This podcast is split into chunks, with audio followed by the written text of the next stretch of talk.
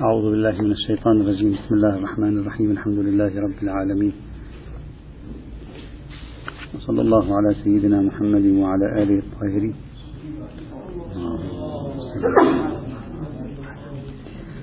ما زلنا نستعرض الأطروحة التي قدمها الشاطبي في كتاب الموافقات. وقد ذكرنا حتى الآن ثلاثة أقسام من أصل خمسة أقسام لكتابه. ونحاول اليوم وغدا أن ننتهي من عرض مجمل أفكاره ومهم أفكاره في هذا الكتاب خاصة ما يتصل بها آه، بموضوع مقاصد الشريعة فيما طرحه هو أيضا في الكتاب نفسه. القسم الرابع من القسم الرابع من الأقسام التي وضعها الشاطبي حصر الأدلة الشرعية أو الأدلة الشرعية الذي نسميه نحن بالحجج مباحث الحجج أو مصادر الاجتهاد تعبير آخر. الشاطبي يحدد الأدلة الشرعية بأربعة. يقول الكتاب السنة الإجماع والقياس. هذا التقسيم المشهور للمصادر الأربعة للاجتهاد عند السنة. يذكره الشاطبي لا يغير فيه شيئا يذكر فقط يقول كتاب السنة والإجماع والقياس. ويقول سوف نبحث في هذه الأربعة. ثم بعد ذلك يترك الإجماع والقياس لا يبحث فيهما. يقول مباحثهما موجودة في كتب الأصوليين. يبدو ليس عنده شيء إضافي فيهما يتركهما ويركز على الكتاب والسنة. إذا بحث الحجج في الحقيقة متمركز على الكتاب والسنة. ويقسم دراسة الحجج أو مصادر الاجتهاد البحث فيها يقسمه إلى قسمين قسم الكليات العامة وقسم الدراسة التفصيلية. يبحث أولا في الكتاب ثم بعد ذلك يبحث في السنة. هذه طريقته في بحث الحجج هذه طريقته في بحث الحجج تعرفون أن مباحث الحجج اختلف تدوينها في كتب الأصولية عند المسلمين. بعضهم قسمها على أساس مصادر الاجتهاد مثلا البحث في الكتاب البحث في السنة البحث في الإجماع البحث في العقل البحث في القياس.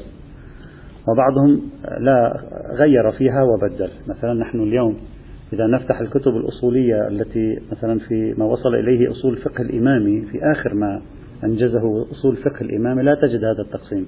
لا تجد مثلا في بحث الحجر الكتاب كل شيء يتصل بالقرآن السنة كل شيء يتصل بالسنة. بل تجد خبر الواحد. تجد الظهورات حجية الظهور. تجد الإجماع مثلا. اختلفت. فالطرائق الأصوليين في التصنيف مختلفة. بعضهم يعتمد مصادر الاجتهاد يذهب إليها كل واحد يعطيها بحثا وبعضهم لا له طريقة أخرى. الشاطبي أخذ مصادر الاجتهاد وركز منها فقط على الكتاب وعلى السنة. طبعا لا يعني ذلك أنه لم يتعرض للقياس ولا للإجماع في هذا الكتاب لكن مبعثرا تحدث عن الإجماع والقياس هنا وهناك لكن بشكل مستقل أبدا لم يتكلم عن هذا الموضوع. في البحث في الأدلة كما قلت قسمه إلى البحث العام وإلى البحث الخاص. في البحث العام أغلب ما أراد الشاطبي أن يذكره في مباحث الألفاظ بحثه هناك. عموم خصوص إطلاق تقييد مجمل مبين أوامر نواهي. هذه الأشياء التي أراد فيها أن يكتب شيئا كتبه تحت هذا العنوان تحت عنوان الكليات المتصلة بمصادر الاجتهاد خاصة الكتاب والسنة وتعرض لها هناك. الذي يعنيني من القسم الأول المتصل بالرصد الكلي اللي هو سنتكلم عنه اليوم مجموعة من الأفكار المهمة التي ترتبط بشكل أو بآخر بفكرة بأفكار الشاطبي بموضوع المقاصد والباقي تفاصيل مباحث الألفاظ لن نتعرض لها لا أنا لا أريد أن أشرح الكتاب هنا. يمكن للإخوة إذا أرادوا أن يراجعوها أول نقطة مهمة يفتتح بها الشاطبي موضوع الأدلة الشرعية الكتاب والسنة والإجماع والقياس في القسم الكلي. ما العلاقة بين الأدلة الشرعية والمقاصد؟ يعني ما هي العلاقة بين الأدلة الأربعة هذه خاصة الكتاب والسنة وبين المقاصد الكلية الثابتة بالاستقراء قطعا ويقينا؟ كيف نحدد هذه العلاقة؟ هذا موضوع اهتم به الشاطبي كثيرا ودخل على إثره في معمعة. الآن كما سوف نرى دخل على إثره في معمعة وسنرى كيف أنه يعني كأنما لاحظ على نفسه وجود مشاكل وأراد أن يحل هذه المشاكل. الشاطبي كما قلنا يعتبر المقاصد الكلية العامة هي أصول الشريعة. هذا ذكره سابقا وأكده هنا مرة أخرى. وبالتالي إذا كانت أصول الشريعة كل الأدلة الأربعة كل آية أنت تراها في القرآن كل رواية وحديث يأتيك عن النبي صلى الله عليه وعلى آله وسلم يجب أن يكون متسقا مع مقاصد الشريعة. لأن المفروض أن أن مقاصد الشريعة الكلية هي أصل الشريعة، فكيف يمكن للشريعة أن تتخلى في بعض المجالات عن أصولها؟ هذا خلف أنها أصل للشريعة. هذا فرضية الشاطبي هكذا ففي ففكرة المقاصد روح المقصد موجودة في كل الفروع في كل الأدلة في كل الأحكام الشرعية لا يتخلف عنها حكم شرعي إطلاقا لأنه ما من جزئي في الشريعة عنده إلا وهو آيل راجع إلى كل وهو عبارة عن المقصد. ما من جزئي إلا وفي داخله منفوخ فيه روح الكل ونفخ الكل فيه من روحه. ولا يوجد عندنا جزئي يعني حكم خاص جزئي يعني حكم خاص. ولا يوجد عندنا جزئي خال من روح الكل. هذا خلف نظرية المقاصد أصلا تصبح نظرية باطلة من رأس أصلا لا معنى لها. لكنه يقول لا ينبغي الإعراض عن الجزء عندما نقول كل روح الشريعة مبثوثة في كل الجزئيات. لا يعني ذلك أن الجزئيات لا قيمة لها. نتخلى عنها ساعة نشاء. الأحكام الخاصة نتركها ساعة نشاء وفقط نبقى مع الكليات. أبدا لا ندعي ذلك. وهو حذر من أن يتورط في مشكلة من هذا النوع. يقول أنا أحترم الجزئيات أحترم الأحكام الخاصة المبينة في الشرع لكن في الوقت عينه يجب أن أدرك أن هذه الأحكام لا يمكن أن تكون منفصلة عن روح الشريعة يعني عن المقاصد الكلية الثابتة يقينا بالاستقراء عنده. عندما يحلل العلاقة بين هذا الكلي اللي هو المقاصد الشرعية اللي تشكل أساس الشريعة وبين الجزئيات الأحكام الشرعية المبثوثة في الأبواب المختلفة النصوص والأدلة القرآنية والحديثية المبثوثة في الأبواب المختلفة عندما يحلل العلاقة يتنبه الشاطبي إلى نقطة مهمة وهي المفروض أن الكليات حصلنا عليها بالاستقراء صحيح؟ يعني إحنا استقرأنا الجزئيات ووصلنا إلى وجود كلية حفظ الدين في الشريعة مثلا. استقرأنا الجزئيات برمتها ووصلنا إلى كلية حفظ النفس. وما شابه ذلك الضروريات والحاجيات والتحسينيات التي رسمها المقاصديون. فإذا أنا كيف أصل إلى الكليات يعني إلى المقاصد أصل إليها من استقراء الجزئيات. لأن المفروض أن الشاطبي شيد نظرية المقاصد على الاستقراء والاستقراء معناه تتبع الجزئيات. للوصول إلى الكليات فنقطة البداية أين؟ جزئيات. ليست نقطة البداية الكليات. أبدا علينا أن ننتبه جيدا. الشاطبي لا يعتقد أن نقطة البداية هي الكليات. نقطة البداية في المعرفة هي الجزئيات ومن التئامها نصل إلى الكليات ونكتشف الكليات. هذا واضح. لا. نعم, نعم. الآن الآن الآن ستظهر المشكلة. الآن ستظهر المشكلة أمامه وسيحاول إيجاد حلول. طيب جيد. إذا معرفة الكل متفرعة على معرفة الجزئيات واستقرائها وتتبعها. طيب فإذا عملية استنباط الشاطبي كيف صعود من الأسفل إلى الأعلى.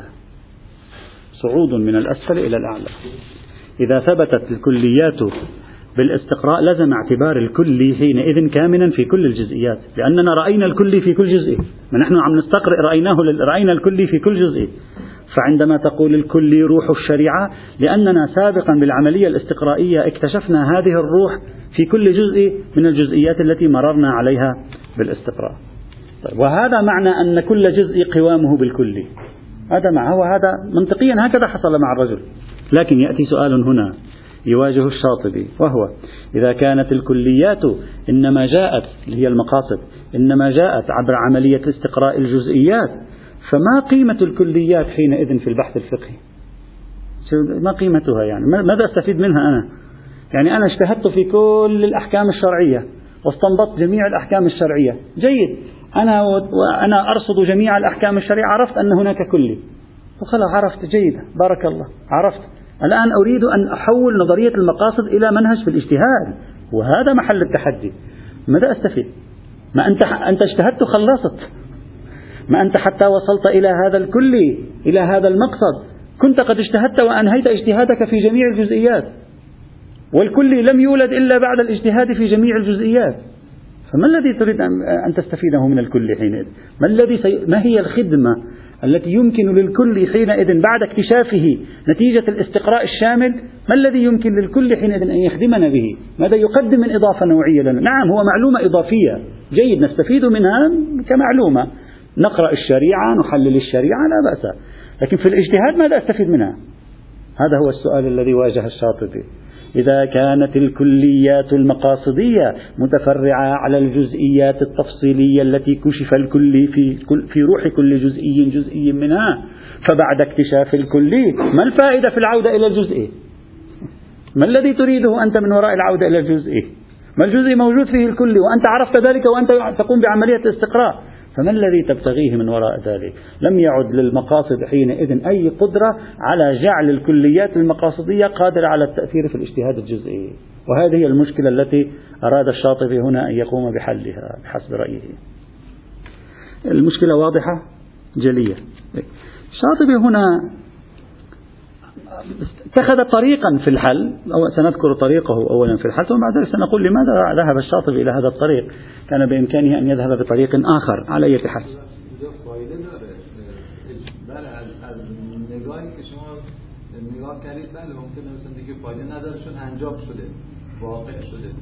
طول مسیر انجام شد اما فایدهش اینه که شاطبی قائله که ظن و گمان فایده نداره در استفاده از این اما اون یه قواعدی کشف کرد در طریق این مسیر که به یقین رسید به اطمینان عرفی و این فایده داره ماذا تستفيد من هذا اليقين؟ ما الذي تريد أن تنتجه من هذا اليقين الإضافي؟ في الموارد التي لا نص فيها؟ نه در همه موارد که نص در نص به صورت زنی به گمانی فرموده مثلا مثلا وضوع اینجوری بگیر خب اما با قاعده به طور یقین فهمید میشه که وضوع اینجوری لا. ال الذي ثبت باليقين الكلية لا الكلية مع خصوصية الجزئية. هذا لا يدعيه الشاطبي. الشاطئ على نظريتكم ستصبح جميع الأحكام يقينية. كل الأحكام الجزئية ستكون والشاطبي يصرح بأن الأحكام الفرعية ظنية.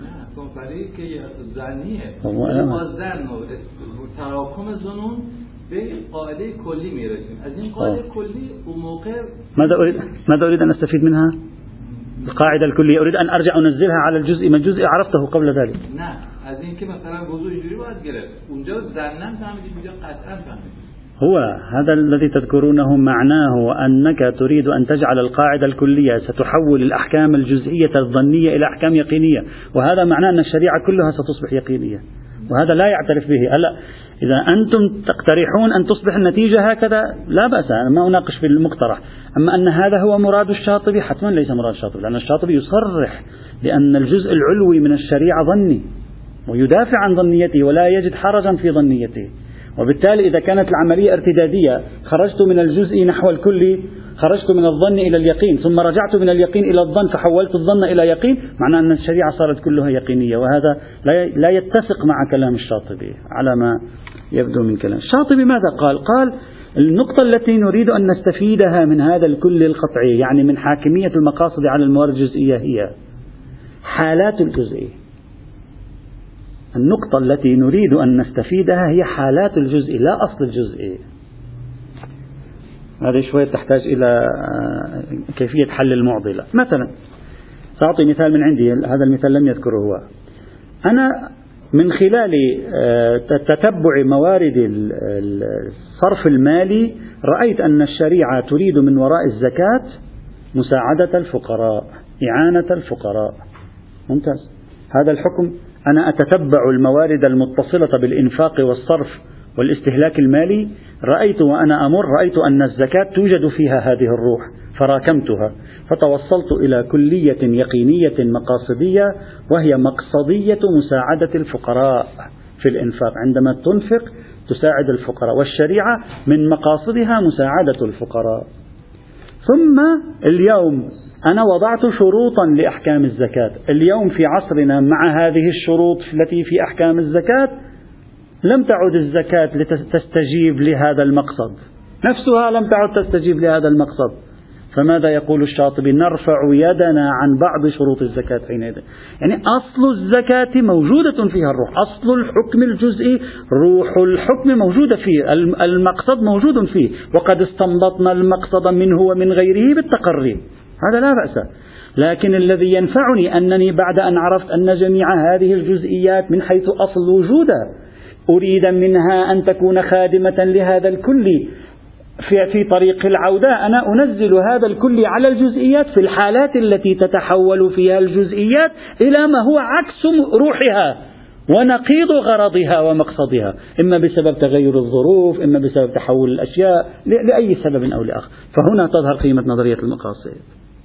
هنا بحسب ادعاء الشاطبي تظهر قيمة النظرية بوصفها أداة في الاجتهاد. يعني أنا أمر في كل النصوص المتصلة بموضوع ألف. أمر فأجد روح ألف موجودة في الجميع. موجودة في أصل تشريع الزكاة موجودة في كذا موجودة في كذا موجودة. أجمعها أصل إلى أصل كلي مقصدي يقيني قطعي. ثم هذه طريق المجيء.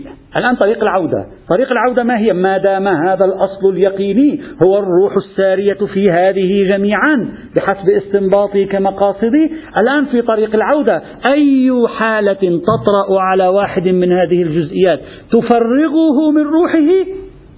ألغيها. وبالتالي تكون تأثير الكليات على الجزئيات في السعة والضيق في الشروط والقيود. في التوسعة والتضييق. ما شئت فعبر وهذا الذي يفعله المقاصديون أصلا عندما يستنبطون هكذا طريقتهم أصلا في الاستنباط. ليس تطبيق.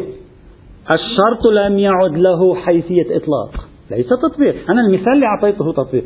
الشرط لم يعد له حيثية إطلاق. أصلا هذا الشرط نكتشف أنه مقيد بهذا الكل فكلما زال الكل هذا الشرط يزول. وهكذا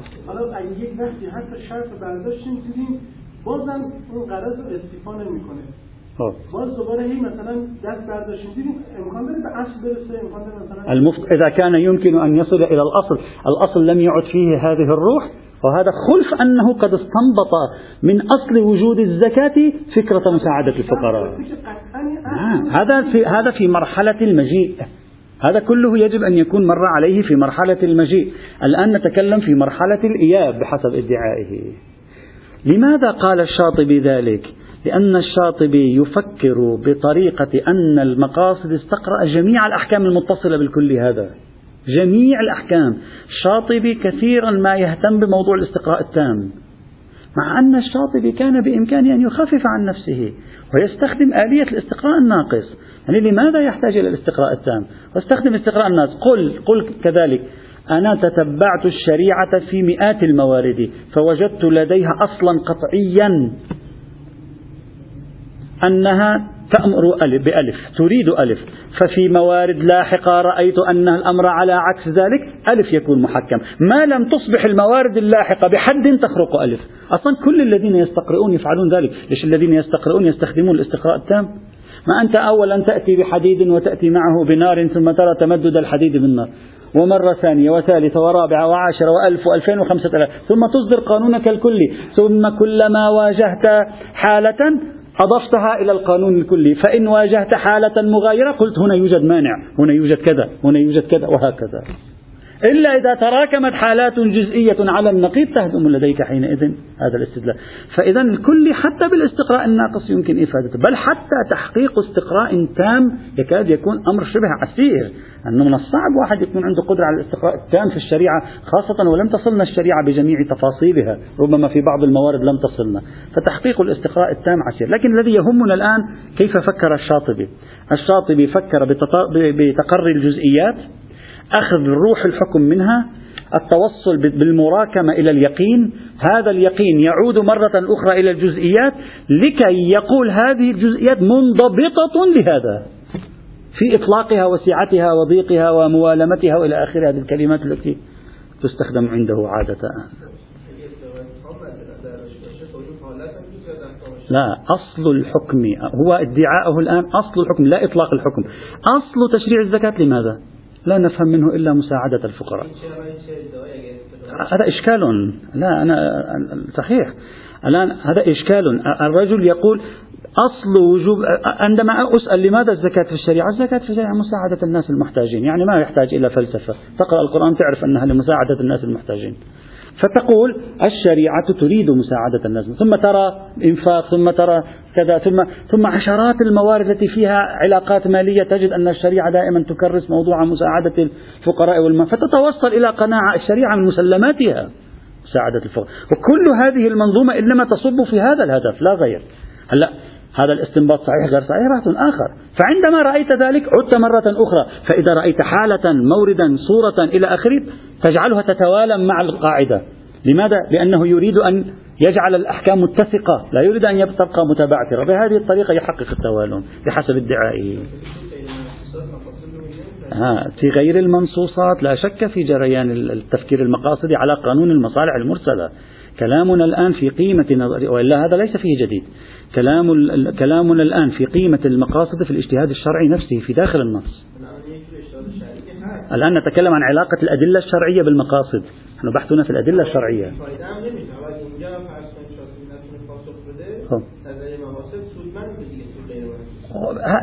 نظرية المقاصد تنفع هناك لكن لا يحتاج إلى أن تجعلها نظرية مقاصد. ما هي نفس المصلحة المرسلة.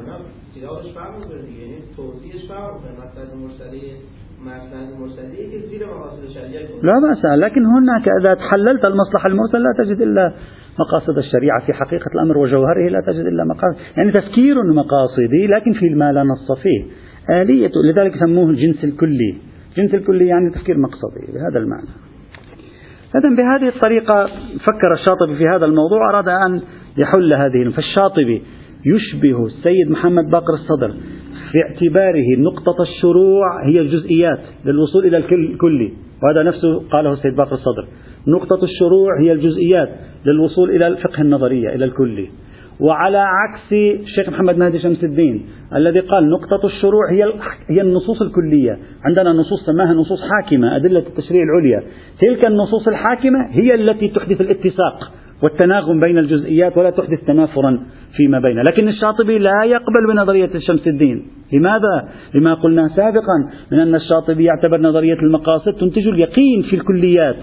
والمفروض أن كل نص من النصوص ظني عنده فما يفعله شمس الدين لا يأتينا إلا بالظنون. بينما يريد الشاطبي بما يفعله هو أن يأتينا بيقين حسب ادعائه هذا هو الفرق بين هذه الشخصيات الثلاث شاطبي وسعد باقي الصدر وشمس آه، الدين. والشاطبي وسعد باقي الصدر.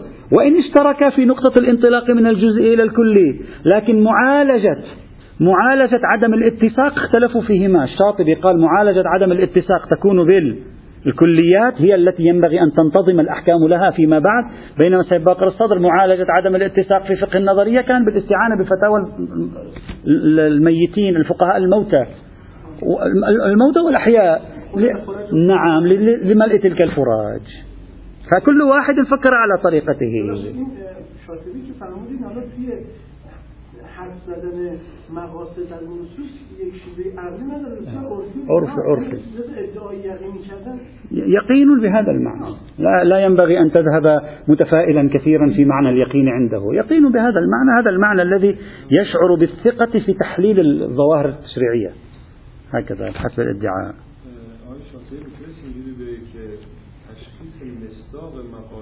بعد اجتهاد بعد از فرآیند اجتهاده این نظریه مقاصد خودش قبل از فرایند اجتهاده و تو اجتهاد تاثیر می‌ذاره. یعنی همین که من با این دیدگاه برم جلو که نصوص می‌خوان به یک هدف برسن و اینها منسجمن و دنبال این باشم اشاره این رو پیدا کنم تو خود عملیات اجتهاد موثره حالا درسته مقصد این که این اجتهاد این مقاصد مصداقش چیه؟ این بعد از اجتهاد شکل میگیره هو أنا كيف أريد أن, أن, أن أحدث التناسق؟ إذا ما كنت أعرف العنصر الذي يحدث التناسق. همین که من دنبالش باشم. دنبال باشم که این نصوص زکات رو که میکنم دنبال این هدف باشم که اینا با هم منسجمن. إذا كنت أنا والزكاة فقط قد لا أصل إلى اليقين في بالمقاصد الكلية. أحتاج إلى أن أضم الزكاة إلى غيره إلى عشرات غيره إلى آحاد غيره نعم.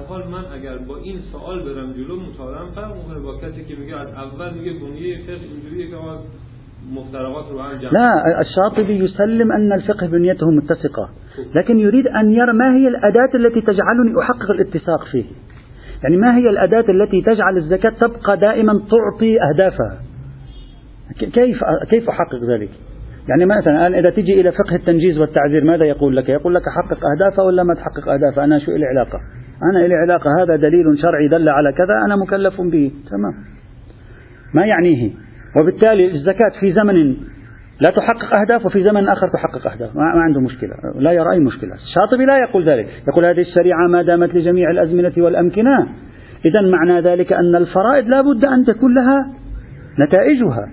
إذا كانت الزكاة لا تعطي سد مال الفقراء والمفروض هي العنصر الأساسي. الزكاة لا تعطي سد مال الفقراء. الخراج ما بعرف وين وضعه الآن. في في أي حال من الأحوال. الجزية الآن وضعها في أي حال من الأحوال. إذا ماذا بقي؟ إذا كيف.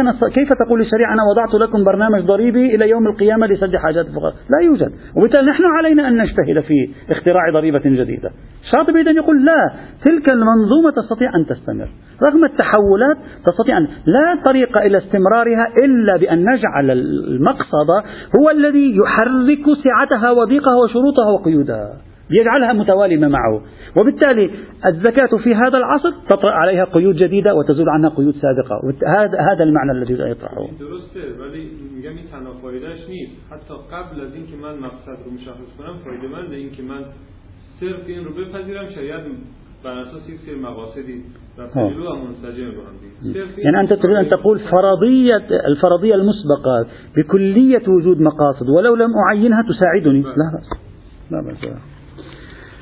هذا فيما إذا هكذا هذا الذي شرحناه الآن هو علاقة الأدلة الأربعة بالمقاصد. كيف تؤثر المقاصد على الأربعة وكيف تؤثر الأدلة الأربعة على المقاصد؟ الأدلة الأربعة تهيئ المرحلة الأولى لاستنباط المقاصد. المقاصد تقوم بالتدخل في الأدلة الأربعة لتوجيه حركة معطياتها. حتى لا حتى لا تنتج نقيضها.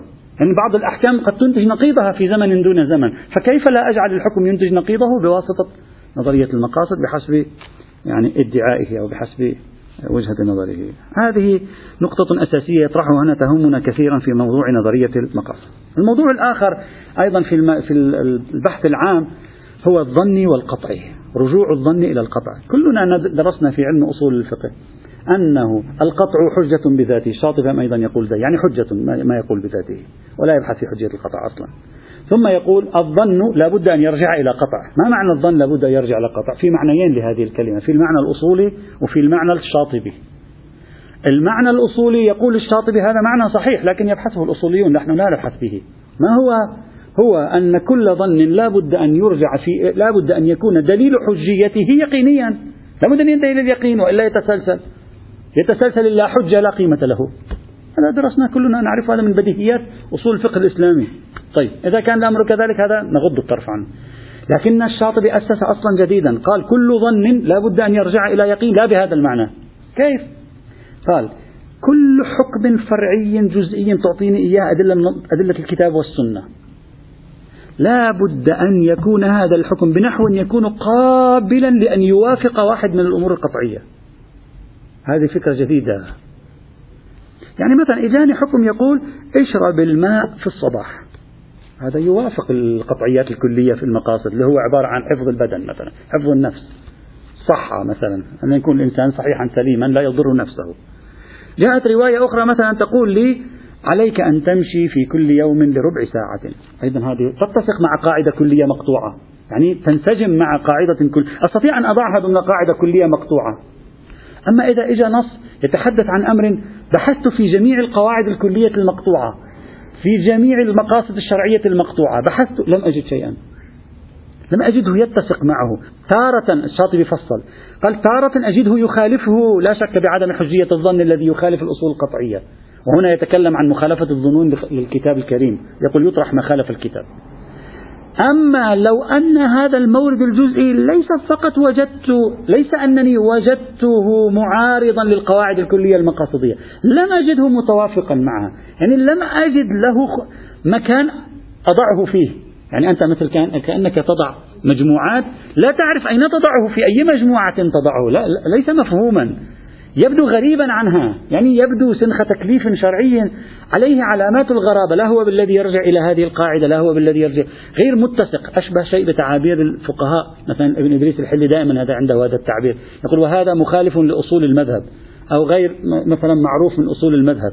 يعني عندي أنا مجموعة من المسلمات الواضحة القطعية في الشريعة التي تغطي الشريعة. هذا الحكم غريب. لا هو بالذي يمكن أن نفهمه بأنه يريد أن يكرس هذا الهدف ولا بالحكم الذي نفهمه أنه يريد أن يكرس الهدف الثاني ولا بالحكم الذي نفهمه أنه يريد أن يكرس الهدف الثالث. هذا الحكم ما هي فلسفة وجوده؟ يقول نفس أنني لا أراه متوافقا حتى لو لم أجزم بمخالفته يؤدي إلى سقوط حجية الظن في الظن طبعا الشاطبي لا يجزم بهذه النتيجة لكن يطرحها كاحتمال. وبعبارة أخرى أنت لو تتأمل معي في المنظومة الفكرية للشاطبي هنا ماذا يريد أن يقول؟ يقول كل حكم جزئي يمر عليه الفقيه يجب أن يثبت عنده أنه يمكن وضعه تحت كلية ما. أما ظهور أحكام جزئية عجيبة غريبة ليست منسجمة مع سائر الحدود الشرعية العامة الكلية اليقينية المقاصد الكلية اليقينية. ظهوره حتى لو لم يكن مخالفا لها يبدو غريبا. يقول لأن كأنما يريد أن يقول الشريعة لابد أن تكون متسقة. كله ينضوي تحت المقاصد. فظهور واحد على جنب على حدة هذا هذا يمكن أن يشككني في ظنيته وبالتالي تصبح حجية الظن فيه. لكن كما قلت الشاطبي لا يجزم بهذا يطرحه كاحتمال يثير فيه وجهة نظر يعطي عليها أدلة ثم يثير فيه وجهة نظر نقيضة ويعطيهم أيضا عليها أدلة ولا تعرف ما هو رأيه في هذا الموضوع. لكن نفس إثارة هذا الموضوع يبدو آه، يعني ليس غريبا أبدا. نعم إذا كان دليله ظنيا.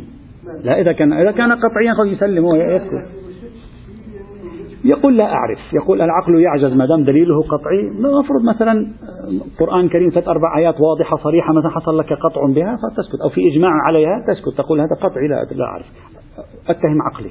لكن بما أنه ظني ولا أراه متسقا ضمن المنظومة يعني يريد الشاطئ يرجع كل شيء إلى هذه المرجعيات المقاصدية. إذا لا أراه متسقا إذا أضعه جانبا. هذا النمط من التفكير يريد أن يوحد. ويضع رسومات تجعل كل الأشياء في داخل هذه الرسومات هنا. هذه نقطة أيضا مهمة أيضا لها لأن مرجعها هو تأثير التفكير المقاصدي عنده. نقطة أخرى في غاية الأهمية. واليوم هذه تطرح في بعض المحافل العلمية والثقافية. الشاطبي بعد أن يؤكد أن الشريعة لا تخالف العقول يشتغل على تكريس مرجعية القرآن الكريم. يقول إحنا عندنا أربع أدلة كتاب وسنة وإجماع وقياس. هكذا يقول. هذه الأربع أدلة. لو قسمنا هذه الأدلة لوجدناها على نوعين. أدلة عقلية عقلية لا بالمعنى الفلسفي يعني القياس. وأدلة نقلية. الأدلة النقلية الكتاب والسنة والإجماع ملحق بهما. فصار عندنا القياس اللي هو الأدلة العقلية والأدلة النقلية اللي هي الكتاب والسنة. يقول وحجية الأدلة العقلية مأخوذة من النقل. إذا من صار الأصل؟ النقل صار هو الأصل. النقل ما هو؟ الكتاب والسنة. حجية السنة مأخوذة من القرآن.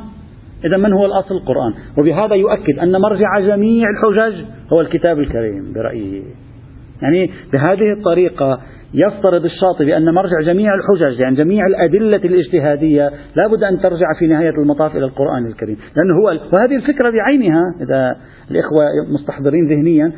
تكلم عن شيء شبيه بها أو بعينها العلامة الطباطبائي رحمة الله تعالى عليه في في في غير موضع أصلا من أبحاثه عندما قال بأن القرآن مقدم على السنة لأن حجية السنة أخذت من القرآن. يعني يعتبر أن منشأ الحجية حيث كان من القرآن فالقرآن له نحو تقدم حينئذ على السنة. بهذه الطريقة أيضا الشاطبي يجعل القرآن في القمة. ثم يدخل قليلا طبعا الآن لم نصل بعد إلى بحوثه القرآنية. يدخل قليلا في هذا الموضوع ويتوقف عنده بإهتمام. يقول كل نص قرآني حتى حتى حديث. ذكر عنوانا من العناوين ولم يتدخل في بيان ضوابطه. فمعنى ذلك أن هذا العنوان تشخيصه وفهمه وضوابطه عند المكلف. كيف؟ يعطي أمثلة. العدل الظلم الفحشاء المنكر البغي الصبر الشكر. يقول لم تتدخل الشريعة في, في حتى في وضع حدود لا في تعريفات. حتى في وضع الصبر وكذا. لم تتدخل في وضع ضوابط ومفاهيم كأنما تريد أن تعلمني نظريتها في معنى الصبر. لا الصبر مفهوم. يقول كل نص أحال على عنوان والعنوان لم تتدخل الشريعة في تفكيكه وفي تعريفه فمرجع تشخيصه وفهمه واستيعابه وتطبيقه و إلى آخره هو العقل الإنساني نفسه. يعني محال إلينا نحن أن نطبق. هذا بماذا يذكرنا بقاعدة أصالة العدالة التي بحثناها في درس الفقه هذا العام. هذه القاعدة بالمعنى الثاني الذي طرحناه الشاطبي يقول بها يقول بها. لأنه يمثل حتى بالعدل.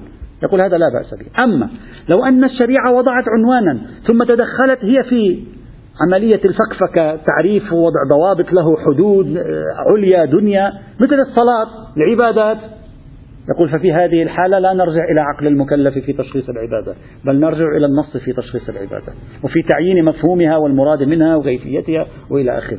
فالعناوين المأخوذة في النصوص على نوعين عناوين لم تتدخل الشريعة في شرحها وتفسيرها فشرحها وتفسيرها بيدنا. والشريعة فوضت لنا ذلك. وعناوين تدخلت النصوص في شرحها وتفسيرها فلا نستطيع بعد ذلك أن نحكم عقولنا بل نرجع إلى الشريعة لأن المفروض هي نحتت مصطلحا جديدا إذا صح التعبير في هذا المجال. ثم يقول الآن توقف معي قليلا لأن هذه القضية فعلا ظريفة. ثم يقول الفقه المكي من النوع الأول. أول فقيه أنا بتتبع المتواضع. رأيته يشير إلى مفهومي الفقه المكي والمدني. فقه المكي لا السور المكية. فقه المكي والفقه المدني هو الشاطبي. وهذه الفكرة في اليوم تطرح بقوة في بعض الأوساط الثقافية خاصة في العالم العربي. الدكتور عبد المجيد الشرفي وغيره يتكلمون عنها. قال الفقه المكي عادة من النوع الأول. ما معنى النوع الأول؟ يعني يصب تشريعاته على عناوين لا تتدخل الشريعة في تحديدها. العدل والخير وبر المفاهيم المعروفة التي لا تحتاج إلى شرح. يقول أما الفقه المدني فغالبه لا يقول كله غالبه من النوع الثاني. يعني تسنخ أحكام الشريعة تصطنعها وتشرح تعطي لها تعريفا وتعطي لها ضوابط. النكاح النكاح عند الإسلام مفهوم آخر غير النكاح الذي عند الجاهلية. الطلاق في الإسلام غير الطلاق الذي نعم يشترك معه في الدلالة اللغوية الأولية لكن أصلا مفهوم قانوني جديد. يقول فالفقه المكي فقه من النوع الأول الفقه المدني فقه من النوع الثاني. وهذا تمييز يضعه آه، في هذا. مثلا يقول والفقه المدني في أغلبه يرجع إلى القواعد الكلية التي في الفقه المكي. يعني يقول مثلا تشريع الجهاد ليس إلا تطبيق لقواعد الأمر بالمعروف والنهي عن المنكر لأنه يفهم الجهاد على أنه جهاد ابتدائي. يقول ما في شيء يعني التشريعات المدنية تشريعات تنزيلية تطبيقية. تطبيق لماذا؟ للكليات المكية. هذا الذي يقوله اليوم بعض الباحثين كما قلت ذراع مجيد الشرفي الباحث التونسي المشهور الذي يقول أصل في الشريعة فقه مكي الفقه المدني كله متغير. وبالتالي كل الآيات المدنية يجب علينا أن نطوي عنها كشحا ونرجع إلى الأصول المكية. أصلا الفقه هو الفقه المكي والباقي هذا كله متغيرات منسوخات. أصل هذه الفكرة. طبعا الشاطبي لا يقول ذلك. الشاطبي لا يقول. لكن أصل هذا التفكير في وجود فقه مكي. نحن عادة المعروف أنه في مكة ما في فقه. لكن وجود فقه مكي وجود فقه مدني فقه المدني هو صغريات الفقه المكي في الغالب هذا تفكير شاطبي. بحسب تتبعي قبل الشاطبي لم أجد أحدا تحدث عن هذه الفكرة على الإطلاق. طبعا الشاطبي يهتم هنا. يقول الفقه المدني كثير فيه النسخ. فقه المكي نادر فيه النسخ. لماذا؟ لأن الفقه المدني هو عبارة عن النصوص السلطوية الكبرى العامة الكلية التي لا تقبل النسخ لأن مفاهيم كلية إنسانية إذا صح التعبير عدل وظلم وفحشاء ومنكر وبغي إلى آخره والمفاهيم. قال تلك لا تقبل النسخ. أين يقع النسخ؟ راجعوا النسخ ستجدونه يقع في المدينة المنورة. ويشير إلى أن النسخ عند القدماء يختلف عن النسخ عند متأخر الأصوليين. النسخ عند متأخر الأصوليين هذا الذي ندرسه نحن اليوم. لا أعرفون تعرفونه. أما النسخ عند القدماء فيقول كل تعديل في حكم سابق يعني يشمل التخصيص يشمل التقييد يشمل النسخ يشمل الحكومة ما شئت فعبر.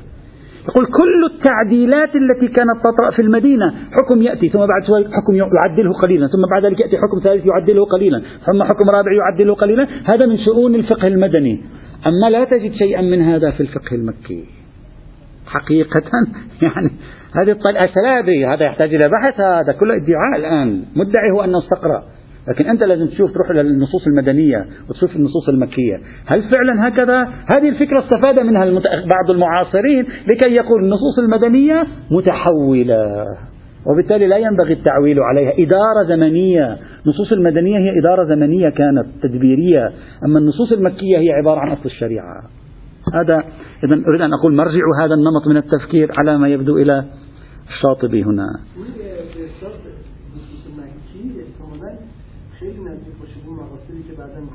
هو هذا الذي يريده. هو هو في نهاية المطاف سيتوصل يعني آه، ستكون النتائج ملتئمة عنده. تلك الفقه ذلك الفقه المكي ليس سوى هذه النتائج التي استقرأناها في الشريعة في الفقه المدني أصلا. يريد أن يريد أن ينظم وضع الشريعة لا يجعلها تبقى متبعثرة وبالتالي يضع لها اتساقا. فبصير الفقه المكي هو الذي يضع الاتساق الفقه المدني. نعم نعم. إلا لو لا أو لا يفكر بهذه الطريقة هذه الموضوعات لا قيمة لها عنده. بعد هذا يدخل الشاطبي في بحث حول مرجعية السلف هنا يبدو عليه أنه ينزع نزعة تقليدية. ما يفهمه السلف هو الحق وما نفهمه نحن هو الباطل وعلينا الرجوع إلى السلف فيما يفهمونه هم متقدمون علينا. هذا يفصل فيه يتكلم عن مباحث المشتبه التشابه المحكم والمتشابه يتكلم عن مباحث النسخ يتكلم عن مباحث الأوامر والنواهي عن الإطلاق والتقييد عن أشكال الدلالة الأمرية والنهية تفصيل في مباحث العام والخاص المخصصات المنفصلة والمخصصات المتصلة الإجمال والتبيين ومباحثهما العلاقات البيانية بين القول والفعل وإلى آخر ما يتكلم كيف يبين النبي كيف يبين الصحابة كيف شكل البيان الفعلي كيف يكون شكل البيان القولي كيف يكون يفصلها على طريقته لا نحتاجها هنا إطلاقا. فقط أشير في نهاية هذا الموضوع حتى أنهي هذا القسم المتعلق بالكليات المتصلة بالأدلة الأربعة أشير إلى نقطتين صغيرتين طرحهما الشاطبي في ثنايا هذا البحث. النقطة الأولى سريعا النقطة الأولى قال الأحكام الشرعية مبنية على الغالب وهذه هي القاعدة الجارية. المجاري العادات الأحكام تجري على مجاري العادات. قاعدة سنية معروفة من قديم الأيام يعني هو لم يأتي بشيء جديد كي يركز عليها. مثلا يقول عندما نقول البلوغ محل التكليف.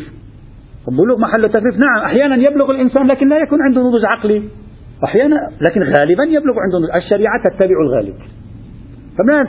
ماذا يريد أن يقول؟ يقول هذه طريقة أنك تأشكل علي بحالتين ثلاثة. شيل. يعني لي إذا قلت لك البلوغ هو عبارة عن معيار في الشريعة لنضج الإنسان لكي يكلفه بتشريعات ثم أنت تقول لي مولانا يرد عليه زيد بن أرقم بن سعيد بلغ ولم يكن عنده نضج عقلي. آه حبيبي أنا أعرف أنه بلغ وليس عنده. لكن القوانين لا تجري على الموجبات الكلية. القوانين تجري على الأعم الأكثر. وبالتالي الشريعة لا تستطيع أن تتسق مع نفسها وتضع خطاب للناس إلا أن تضع لهم قانونا ومعيارا. وهذا هو المطلوب. هذه النقطة الأولى يشير إليها ويضيء عليها. النقطة الثانية المهمة التي يشير إليها هي يقول وهذه يفصل فيها كثيرا ويتوقف فيها وقفات مع الصوفية. يقول يجب أن يكون الواجب واجبا في مقام التبيين التبيين الفعلي والتبيين القولي ويتكلم عن التبيين النبوي والتبيين العلمائي يقول الواجب يجب أن يكون واجبا والمندوب يجب أن يكون مندوبا والمكروه مكروها والمستحب مستحبا والمباح. ما معنى ذلك؟ يقول لا يجوز أننا ونحن نبين المستحبات أو نحن نمارس المستحبات أن يتلقاها من يشاهدنا أو يتلقاها من يسمع منا على أنها واجبات. وهذا موضوع مرتبط بنظريته في البدعة. يعني يجب أن يكون حضور المستحبات في في المجتمع شكل حضور لا يوحي بأنه بأنها واجبات. يعني مثلا نحن نشهر السيف على شخص يخالف مستحبا. وفي المقابل واجب يكون قد خالفه ولا نشعر بهذه الحماسة. يقول هذا التفاوت خلاف قواعد التبيين التي كلف بها الأنبياء والعلماء. يجب أن يكون شكل تبيين الشريعة مع شكل سلوك الشريعة في الحياة. شكل سلوك لا يوحي من حيث الكشف للآخرين بأن المندوب صار واجبا والواجب صار مندوبا. وإن كان أنت في الكتب الفقهية تقول هذا واجب. أو أن المكروه صار مستحبا وهكذا. ولذلك يؤاخذ على الصوفية يقول الصوفية يلتزمون بأوراد بحيث لو الإنسان خالفها قامت الدنيا ولم تقعد عليه. وهي أوراد مستحبة. يقول هذا لا غير مقبول. هذا يجعل في الوعي أن المندوب صار في قوة الواجب. وهذا مرفوض في الشرع. هذه النقطة الأخيرة. غدا إن شاء الله سأحاول أن ألملم نقاط يعني الأساسية المتصلة بموضوع بحثنا في بحثي حول الكتاب والسنة وإشارات. إن شاء الله أحاول غدا أن أنتهي قدر الإمكان. من إشاراته إلى نهاية البحث والحمد لله رب العالمين.